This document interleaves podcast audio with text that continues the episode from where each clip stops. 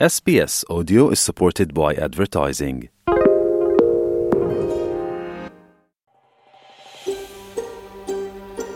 तपाईँ एसपिएस नेपालीको साथमा हुनुहुन्छ अरू रोचक सामग्रीहरूका लागि SBS dot com dot slash Nepali जानुहोस्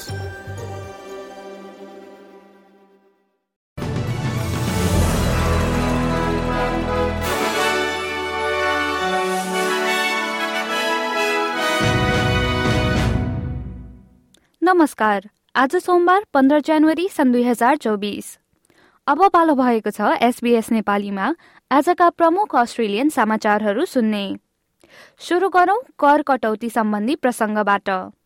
सरकारले असमानता व्यवस्थापन गर्न प्रतिबद्ध रहेको बताए पनि प्रधानमन्त्री एन्थनी एल्बनिजीले उच्च आय भएका अस्ट्रेलियनहरूले पाउँदै आएको कर कटौतीले भने निरन्तरता पाउने बताएका छन्। विवादस्पद तेस्रो चरणको कर कटौती अन्तर्गत उच्च आय भएकाहरूलाई सबैभन्दा बढी फाइदा पुर्याउने अपेक्षा गरिएको छ। प्रधानमन्त्रीले कटौती एक जुलाईदेखि लागू हुने पुष्टि गरेका छन्।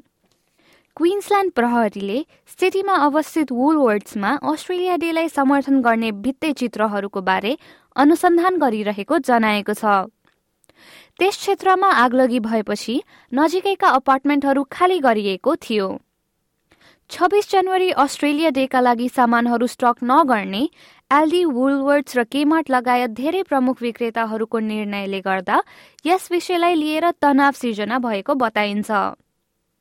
साउथ अस्ट्रेलियाको कुबरपेरी सहरमा अवस्थित ओपल खानीको तीस मिटरको उचाइबाट खसेपछि एक व्यक्तिलाई अस्पतालमा भर्ना गरिएको छ।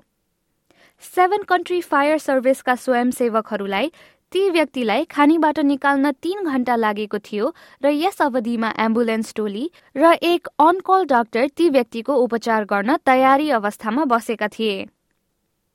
एक खतरनाक बुश फायरले पर्सबाट उत्तरीतर्फ रहेको घर तथा जनजीवनलाई जोखिममा पार्ने देखाएपछि त्यहाँका बासिन्दाहरूलाई तुरन्तै त्यहाँबाट निस्किन भनिएको छ। शहरको साठी किलोमिटर उत्तरमा रहेको जिन्जिन वरपरका क्षेत्रहरूमा आज बिहान जनवरी पन्ध्रमा आपतकालीन चेतावनी जारी गरिएको थियो।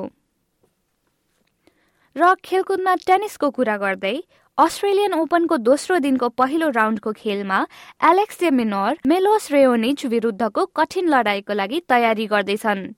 आज साँझ रड लेभर एरिनामा अस्ट्रेलियाका विश्व नम्बर दसले क्यानाडाका अनसिडेड खेलाडीको सामना गर्नेछन्। हस्त एसपीएस नेपालीबाट आजका प्रमुख समाचार यति नै। सुरक्षित रहनुहोस्। नमस्ते।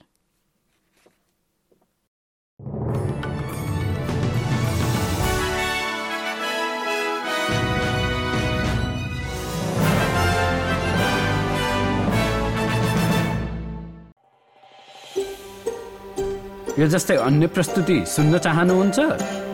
एप्पल पोडकास्ट गुगल पोडकास्ट स्पोटिफाईमा हामीलाई खोज्नुहोस् वा तपाईँले पोडकास्ट सुन्ने अन्य सेवामा।